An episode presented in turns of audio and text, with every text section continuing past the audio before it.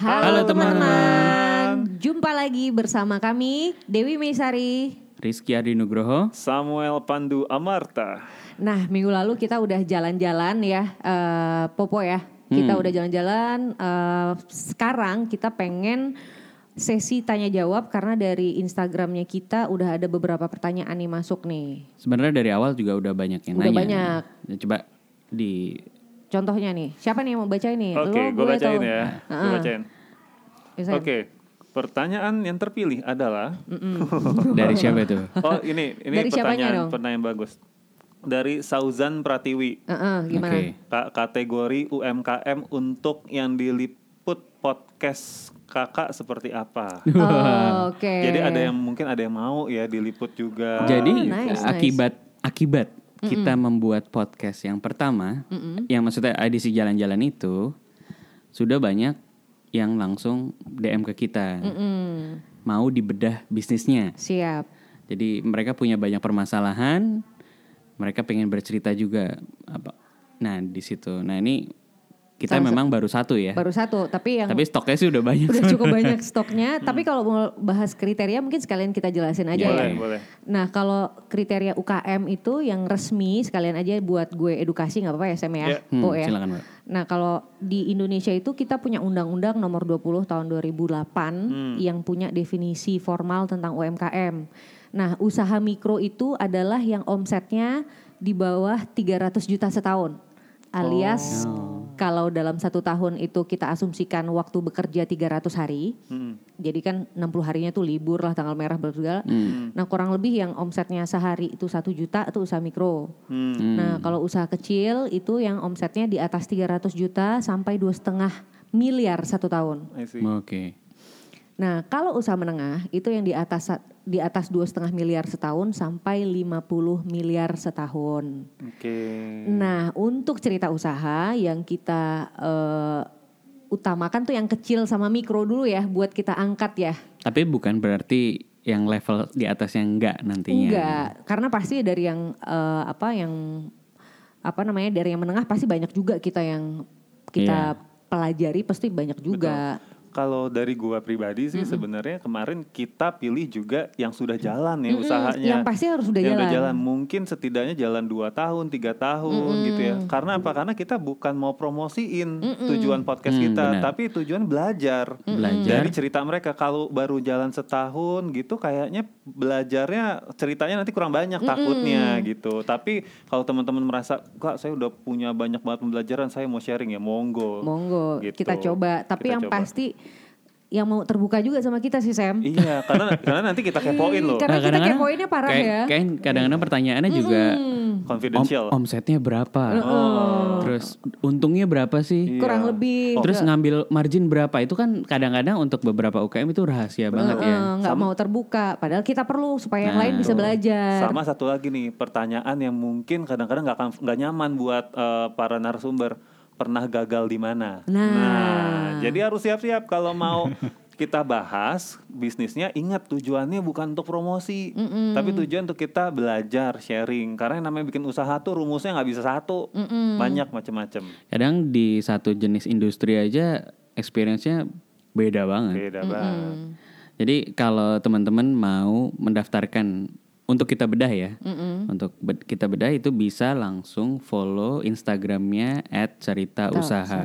Nanti bisa DM, Mm-mm. kita follow up setelah itu. Asal UKM, ya tadi skalanya udah kita jelasin, dan asal mau terbuka. Karena tujuan kita mengulas adalah untuk belajar. Oke, Ya, sip. kayaknya udah clear ya. Clear, next Pertanyaan question. kedua yang terpilih adalah dari Naufal Labrori. Wah, gimana tuh? Minta saran dong sumber permodalan untuk pebisnis pemula. Wih, ini menarik ya. Emang topiknya belum kita bahas ya. Belum kita bahas. Ini kita kasih teaser ya gimana? Boleh teaser sedikit Silakan. lah ya. Siapa duluan?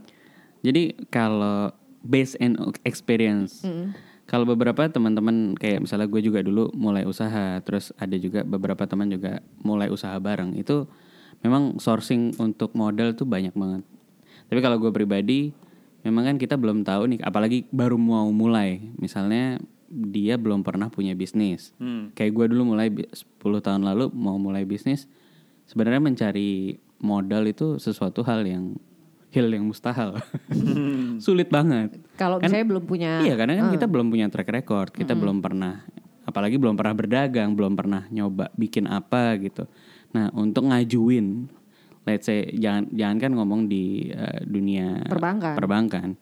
Di dunia pertemanan, di dunia eh, teman-teman Keluarga, orang tua, keluarga siapa pun family, itu. friends and foe. Nah. Biasanya gitu lingkaran pertama. Nah, itu lingkaran pertama aja ketika kita ngajuin misalnya, "Pah, mau mulai usaha nih." Nah, ah, orang tua ini sebenarnya ada juga karakter yang oke, ini ngasih, silakan mau bikin apa aja. Cuman itu eh, ideal banget ya. Yang nggak ideal kayak misalnya gue dulu. Kebetulan emang orang tua dalam keadaan secara finansial nggak lagi nggak sip banget nih. Nah, itu kan agak sulit. Nah, kalau dari gue pribadi memberikan saran buat teman-teman yang baru mau mulai usaha itu mulailah dari nol.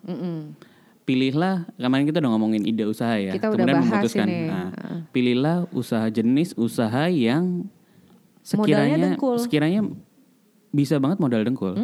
Sebenarnya modal dengkul tuh nggak artinya nggak modal apa-apa. Betul. Misalnya kita punya temen yang dia nggak punya ide tapi punya duit, Ya. punya sourcing uh, finansial yang jauh lebih baik daripada keadaan kita. Nah, bisa kita ajak dia partnership. Hmm. Nah, hitung-hitungannya beda dong. Nah, Maksudnya yang satu punya duit, yang satu punya ide, dia punya metode segala macam. Nah, itu bisa kalau misalnya enggak, ya coba aja mulai sendiri dengan cara apa. Misalnya nih, gue punya eh, usaha kue. Namanya Honey to the Bee. Bisa lihat di at honeybeeworld kalau Instagramnya. Nah, dulu gue punya ide itu sekitar enam tahun lalu. Gue cuma punya ide. Waktu itu kue, eh, kuliner kue, entah kue ulang tahun atau kue apa, itu di terutama di Jakarta yang enak-enak itu gue berangkat dari melihat kok nggak semua toko kue itu mencantumkan halal. Ketika mereka punya produk, ada satu dua yang ya mereka bilang ya emang nggak halal karena ada bahan-bahan yang mereka pakai yang tidak halal gitu. Nah, gue lihat itu satu peluang kan. Nah, pada saat itu gue mau mulai, gue mau bikin kue yang halal, 100% halal lah. Gue cek eh, sertifikat halal ada segala macam. Nah, punya ide, terus gue sendiri emang suka kuliner, jadi gue tahu, wah gue mau bikin kue yang model begini nih. Cuman kan gue latar belakang memang teknologi pangan, tapi bukan chef pastry. Nah, yang gue cari pada saat itu adalah partner yang bisa bikin kue. Nah, mau gue ketemu nih kebetulan partner gue yang pertama dulu ada namanya Sisi, gue sebut nama. Dia lulusan Australia. Dia emang ngambil kuliah pastry chef. Pas lulus, dia nyari kerjaan sebenarnya. Ngomong sama gue, cariin gue kerjaan dong. Terus gue bilang, oke deh, eh, mau nggak ikut sama gue tiga bulan aja pertaruhan ini? Sebenarnya pertaruhan gue tiga bulan. Untuk buktiin gue punya ide bisa masuk sama dia. Karena kenapa? Kalau gue hire dia as a professional gue nggak mampu bayar. Lagi-lagi modalnya nihil banget ya gue nggak punya kemampuan. Karena dia minta waktu itu mungkin standarnya sekitar tujuh ya kalau udah profesional. Apalagi di internasional. Iya. kelasnya udah chef internasional ya dia pernah kerja di Hilton dan sebagainya. Nah pada saat itu gue juga nggak punya alat Arti- belum secara modal nggak ada sama sekali lah. Ya. nah yang gue bilang gini yang gue bilang dengan contoh ini eh, gue bikin eh, kanal jualannya dulu. Pada saat tahun enam tahun lalu Kaskus masih berjaya banget ya. Maksudnya jualan apa aja lewat Kaskus. Jadi gue bikin di Kaskus eh, posting produk yang produknya bahkan gue belum punya. See. Kayak pre-order lah. Eh, sebenarnya enggak gue belum pernah bikin. Bahkan belum pernah bikin. Pre-order iya cuman gue belum Tapi kan ini pasti ada fotonya dong. nah fotonya. Nah. ya fotonya emang waktu itu ya nggak boleh nggak bisa di- jangan dicontoh juga sih. Cuman gue waktu itu ngambil foto dari kalau bisa yang dari luar negeri sana. Jangan jangan melanggar Iya. teman negara sendiri. Misalnya gitu. terus agak gue edit sedikit misalnya gue flip atau gimana. Nah pokoknya produk yang gue nanya dulu sama si Si pastry-nya bisa buat nggak lo kayak si, gini? si chef gue ini gue mau bikin rasanya begini-begini dia gue yang jelasin. Terus eh, oke deh kita cari tampilan ya. Tampilan yang bakal kita jual kayak gini. Hmm. akhirnya gue collect foto dari internet ya ada gue nggak googling waktu itu karena kalau googling udah sangat umum. Gue nyari dari provider foto-foto kayak Flickr dan apa waktu itu. nah singkat cerita gue udah posting di Kaskus. Terus dalam waktu satu hari itu gue nyelesain gue bikin website Pokoknya udah gue infrastrukturnya udah gue buatin dengan dengan modal yang bisa nggak bi- bisa dikatakan posting doang kan nggak ada nggak ada modalnya. Hari itu juga gue dapat order. Nah itu, nah uang masuk kan. Iya. Nah ketika uang masuk gue bingung beli di mana ya bahannya. nah Tapi kan lu punya partner yang chef Nah, itu. Dia kan dari luar negeri nggak ngerti belanja di mana. Nah, tapi waktu itu emang ide ini cuman sekedar ide, gue eksekusi saat itu juga. Ini kaitannya dengan mencari ide juga Iya, sih. iya, iya. Jadi gue dapat ide, eksekusi hari itu juga, gue posting, dapat order pertama hari itu juga. Jadi dapat duit, waduh gimana? Alat ada punya, lu punya apa? Lu punya mixer, lu punya oven. Ya, akhirnya kita kumpulin semua source yang ada di rumah. Mixer yang kecil buat rumah tangga. Iya, iya. Iya. Nah, singkat cerita, order itu marginnya cukup bagus. Ternyata wah marginnya lebih dari 100% nih. Nah, kita sepakat order-order di awal jangan dibagi dulu, Iya. tapi kita kumpulin menjadi Modal. modal. buat retain earnings lah ya, ditahan labanya Nah, untuk muterin lagi. you know what? Dalam waktu tiga bulan, gue punya set alat industri kue tanpa modal sama sekali. Nah, Dengan cara kayak gitu. Oke. Oke, teman-teman. Jadi ini dari ceritanya Mr. Popo ini sebenarnya sama dengan episode kurang lebih menekankan kembali eh, pesan waktu episode kita waktu memilih ide usaha itu ya. Ya. Jadi mari kita sama-sama percaya mau mulai usaha itu bukan modal kunci utamanya.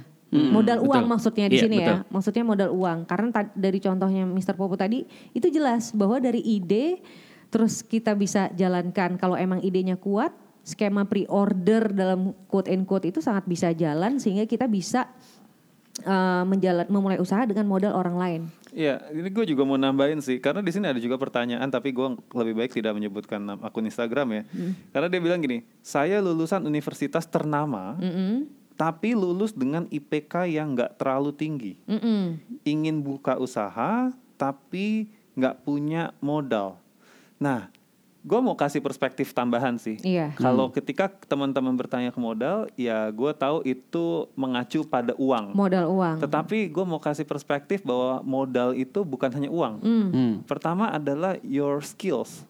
Mm-mm. Iya. Jadi eh, gini, lo udah belajar di universitas ternama, itu modal, Iya. ya. Walaupun IPK yang nggak tinggi, gue juga nggak tinggi IPK gue, tapi lulus saya syukur gitu. ya. Tapi tapi eh, pembelajaran apa sih yang udah lo lakukan selama kuliah itu yang jadi modal. Jadi satu knowledge, kedua adalah skills. Yang ketiga adalah network. Network. Itu modal semuanya. Gitu. Jadi jangan sampai kita tertutup bahwa seakan-akan kita nggak punya modal. Yang gitu. keempat lagi Ada Sam. lagi nggak coba? Fasilitas Sam. Seperti apa? Misalnya udah punya laptop, Ah, udah punya Betul. handphone, Jangan dikecilin ya nilai udah itu punya ya. handphone, terus udah punya misalnya di rumah ada teras nganggur gitu misalnya eh, bisa dipakai buat macam-macam aktivitas ngapa-ngapain. Nah jadi eh, kami sih sangat mendorong kalau gue pribadi itu sepakat banget sama Mr. Popo kalau misalnya mau mulai usaha pertama kali cobalah berkreasi dengan mulai apa yang dengan, ada. dengan apa yang ada modal dengkul Hmm, gitu. Kalau sebenarnya keti- ketika bisnis itu udah berjalan, duit itu nanti ada yang nanti nawarin ada yang deh. nawarin begitu Ini udah kita jalan. ngomongin duit ya. bener bener Tapi ya emang ini kan keadaan yang tidak ideal. Artinya banyak sekali teman-teman yang ketika mau mulai malah justru banyakkan duitnya daripada ide. iya kadang-kadang ada yang kayak itu gitu ya juga. alhamdulillah gitu. Cuman cuman dari, dari hal ini eh, ketika belum belum experience ya lakuin aja deh apa aja yang bisa Iya. dilakuin. Iya. Karena di jalan nanti mungkin ya ketika katakanlah dulu ya ketika udah tiga bulan jalan gue Mm-mm. ada aja temen yang lirik wah lu bisnisnya oke juga ya gue join dong gue join dong iya gue masukin duit deh nah Ya, ya. Gue gue juga mau share juga pengalaman gini. Ini kan backgroundnya yang dengerin beda-beda. ya. iya iya Mungkin ada yang sekarang masih jadi karyawan. Nah ini cerita gue pribadi. Waktu itu gue modal gue dari mana? Salah satunya adalah dari eh, BPJS ke tenaga ke tenaga kerjaan. Ah, waktu lu jam resign. sostek, jam sostek. Ya, Zaman dulu kan namanya jam sostek ya. Hmm. Gitu. Jadi buat yang karyawan jangan remehkan jam sostek yang udah dipotong dari gaji lu pada-pada tuh. Ya, tapi kumpulin aja, kumpulin karena begitu lu resign dan lu udah nggak kerja selama berapa lama gitu ya kalau nggak salah syaratnya. Itu lo bisa cairin. Mm-mm.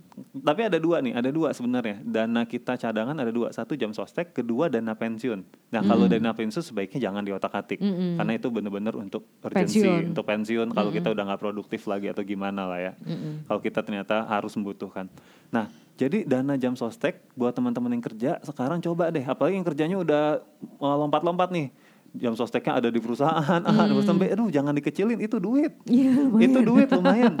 Eh, apa namanya kalau dikumpulin bisa jadi modal usaha. Waktu itu gua pakai itu untuk ngerenov tadi fasilitas which is rumah gua supaya sesimpel gua punya ruang khusus untuk gua syuting YouTube gua untuk gua kerja untuk gua kayak rekaman kayak begini gitu. Biar kalau ada teman yang bantuin gua kerja ada ruangan khususnya lah nggak kayak di ruang tamu. Hanya itu aja gitu. Itu salah satu uh, bentuk uh, sumber pemodalan lah yang menurut gue yang paling gampang tapi buat orang-orang yang kerja ya. Tapi nggak kepikiran atau diremehkan gitu. Hmm. Ini gue tadi uh, menyambung yang side dari uh, orang yang lulus di uh, universitas ternama dan IPK itu, gue ada pengalaman sih. Jadi kadang-kadang modal uh, lulus dari universitas ternama, Mm. IPK tinggi, Mm-mm. itu kadang-kadang jadi bumerang buat kita. Bumerang apa gimana maksudnya? Karena gini, ketika apalagi yang start langsung mau mulai usaha ya, Mm-mm. banyak sekali stigma dari keluarga, dari teman-teman. Wah, lu sayang banget udah kuliah di kampus keren, IPK lu tinggi, lu mau milih jadi wira swasta. Itu jadi kayak jadi bahan untuk nyerang kita gitu. Hmm. Terus ada juga yang malah bersyukur, wah untuk IPK gua rendah ya, jadi gue masuk ke dunia wirausaha aja deh. karena karena nggak ada pilihan Iya. Untung gue nggak kumlot, jadi ada juga gitu.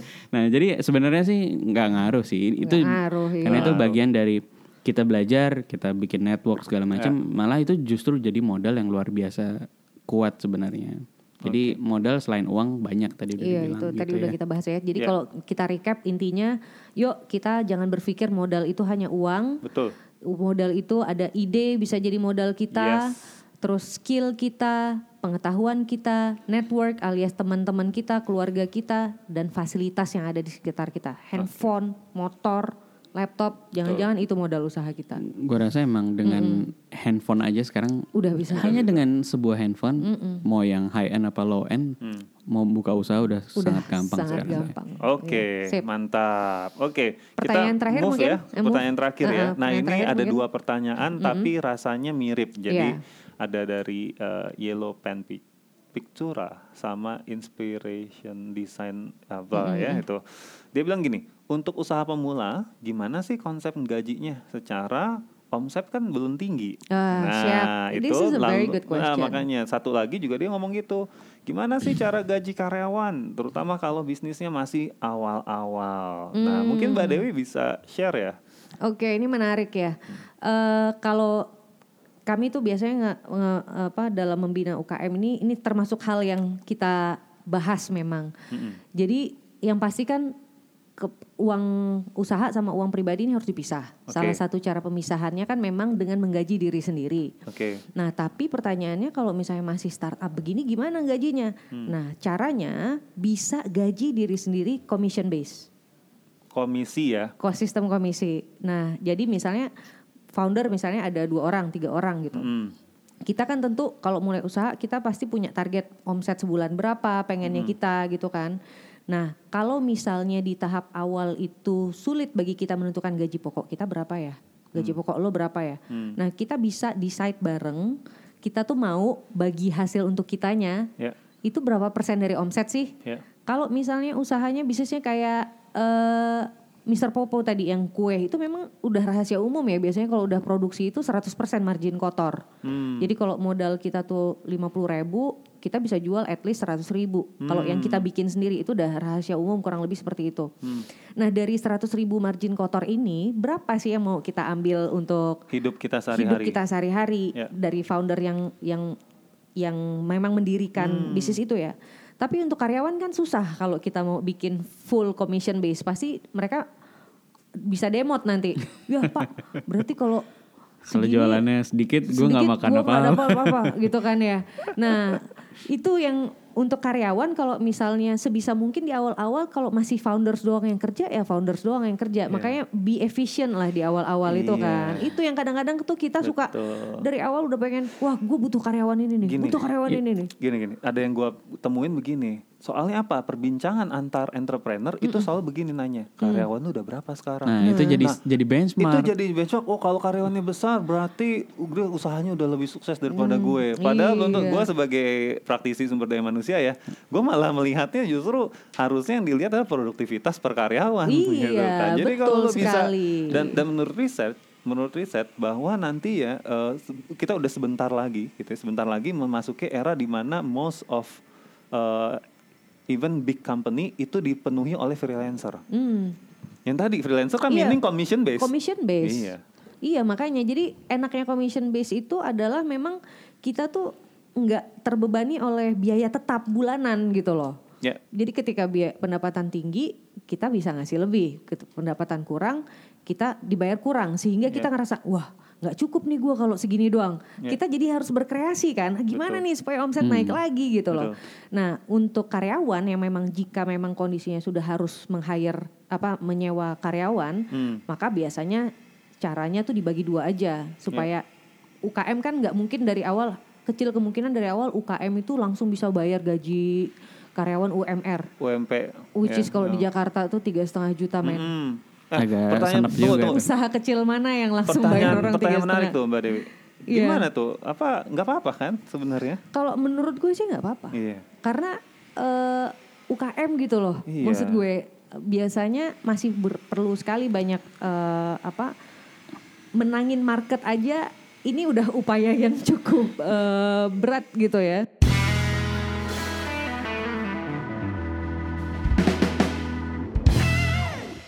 Ya jadi kalau ada pemain baru nih, kebanyakan mereka eh, pengen segera mendelegasikan pekerjaannya. Padahal si owner ini, katakanlah dia satu orang, dia belum fasih benar sama bisnis flow-nya dia. Jualannya gimana, nganternya gimana, produksinya gimana. Nah, kalau ketemu kayak gitu, gue sih sharing apa yang gue lakuin dulu ya. Karena di awal semua bisnis itu gue lakuin sendiri. Kalau- Iya. Katakanlah dulu di beras organik ya. Ya jadi waktu awal eh, gua ju- mulai jualan beras itu kan gue yang ngambil barang di Brebes, gua ngambil bawa ke Jakarta, gua nampi, gua sortasi sendiri, gua packing, terus gua bagi-bagi brosur, door to door sales, terus sampai udah ada order kita gue jadi CS, order masuk, gua nganterin lagi, terus sama bikin laporan keuangan, itu kan semua masih sendiri. iya. Nah, jadi ketika semua udah lo lakuin dan lo tidak mampu, nah pada saat itu gue baru mikir, oke nih saatnya gue butuh bantuan.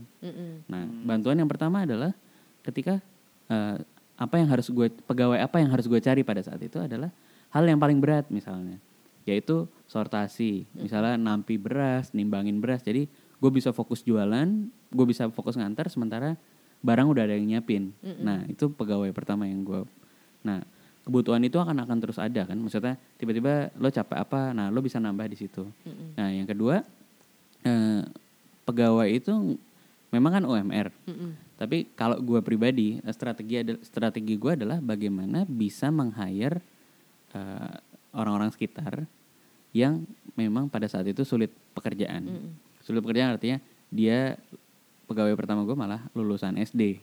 Dia emang nggak ngerti apa-apa dan kerjaan yang biasa dia lakukan biasanya pekerjaan berat, ya pekerjaan kasar ya.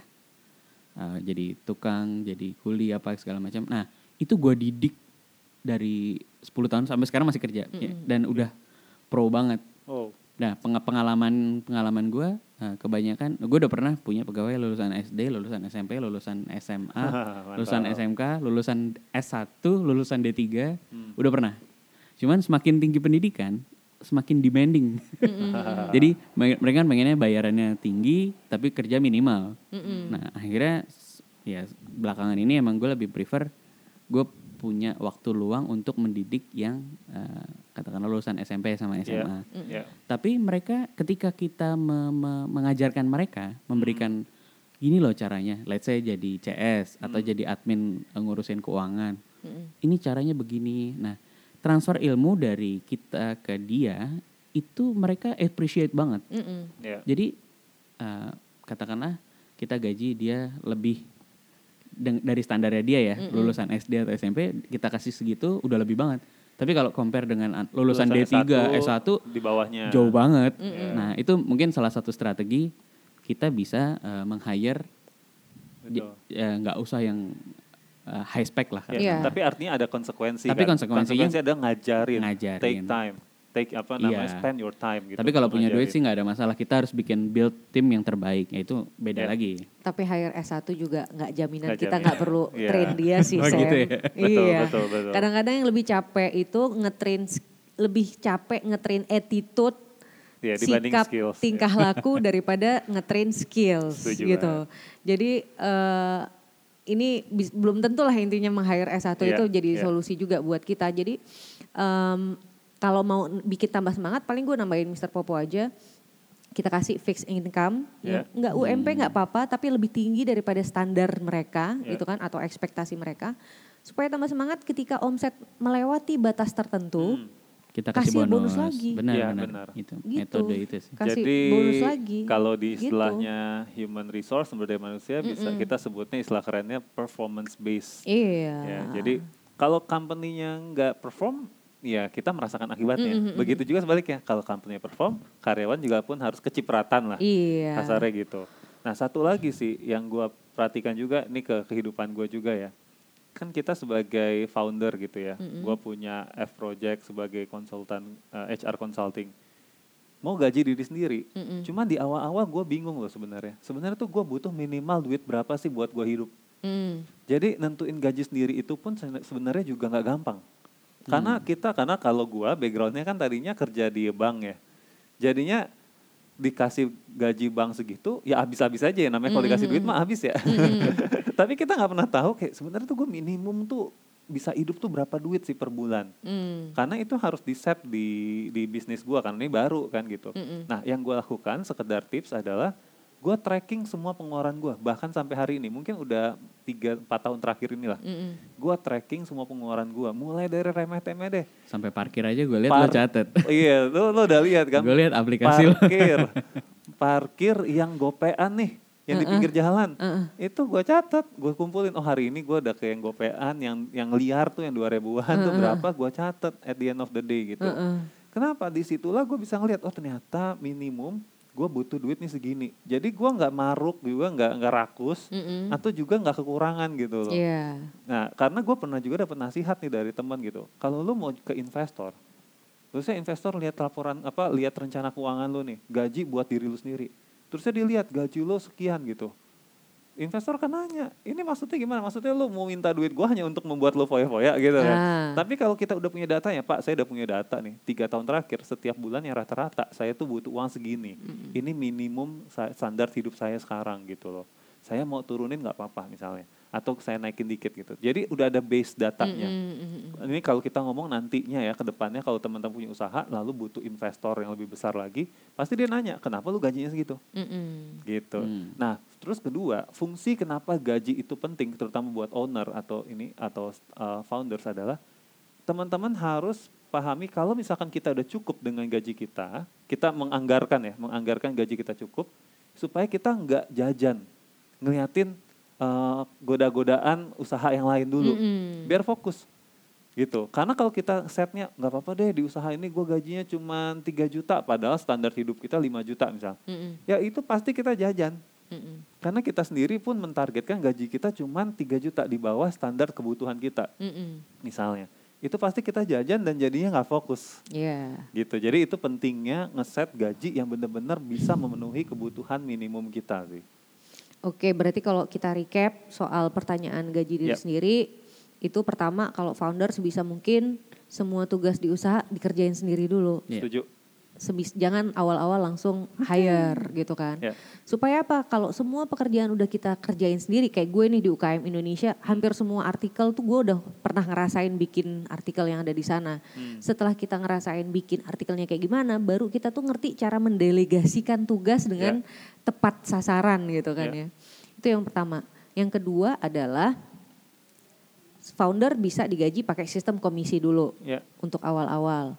Terus untuk karyawan jika memang sudah ada peker- eh, tugas yang harus dikerjakan karyawan, kita bisa berdayakan masyarakat sekitar kita Betul. yang mungkin susah, Ya. ya kan, susah cari kerja di mana-mana, bisa kita edukasi karena mengedukasi skill itu lebih mudah loh daripada mengedukasi Attitude. attitude, atau Iya, tingkah laku, setuju. kepinteran juga, meng-hire orang repot juga kitanya, ya kan ya. Ya.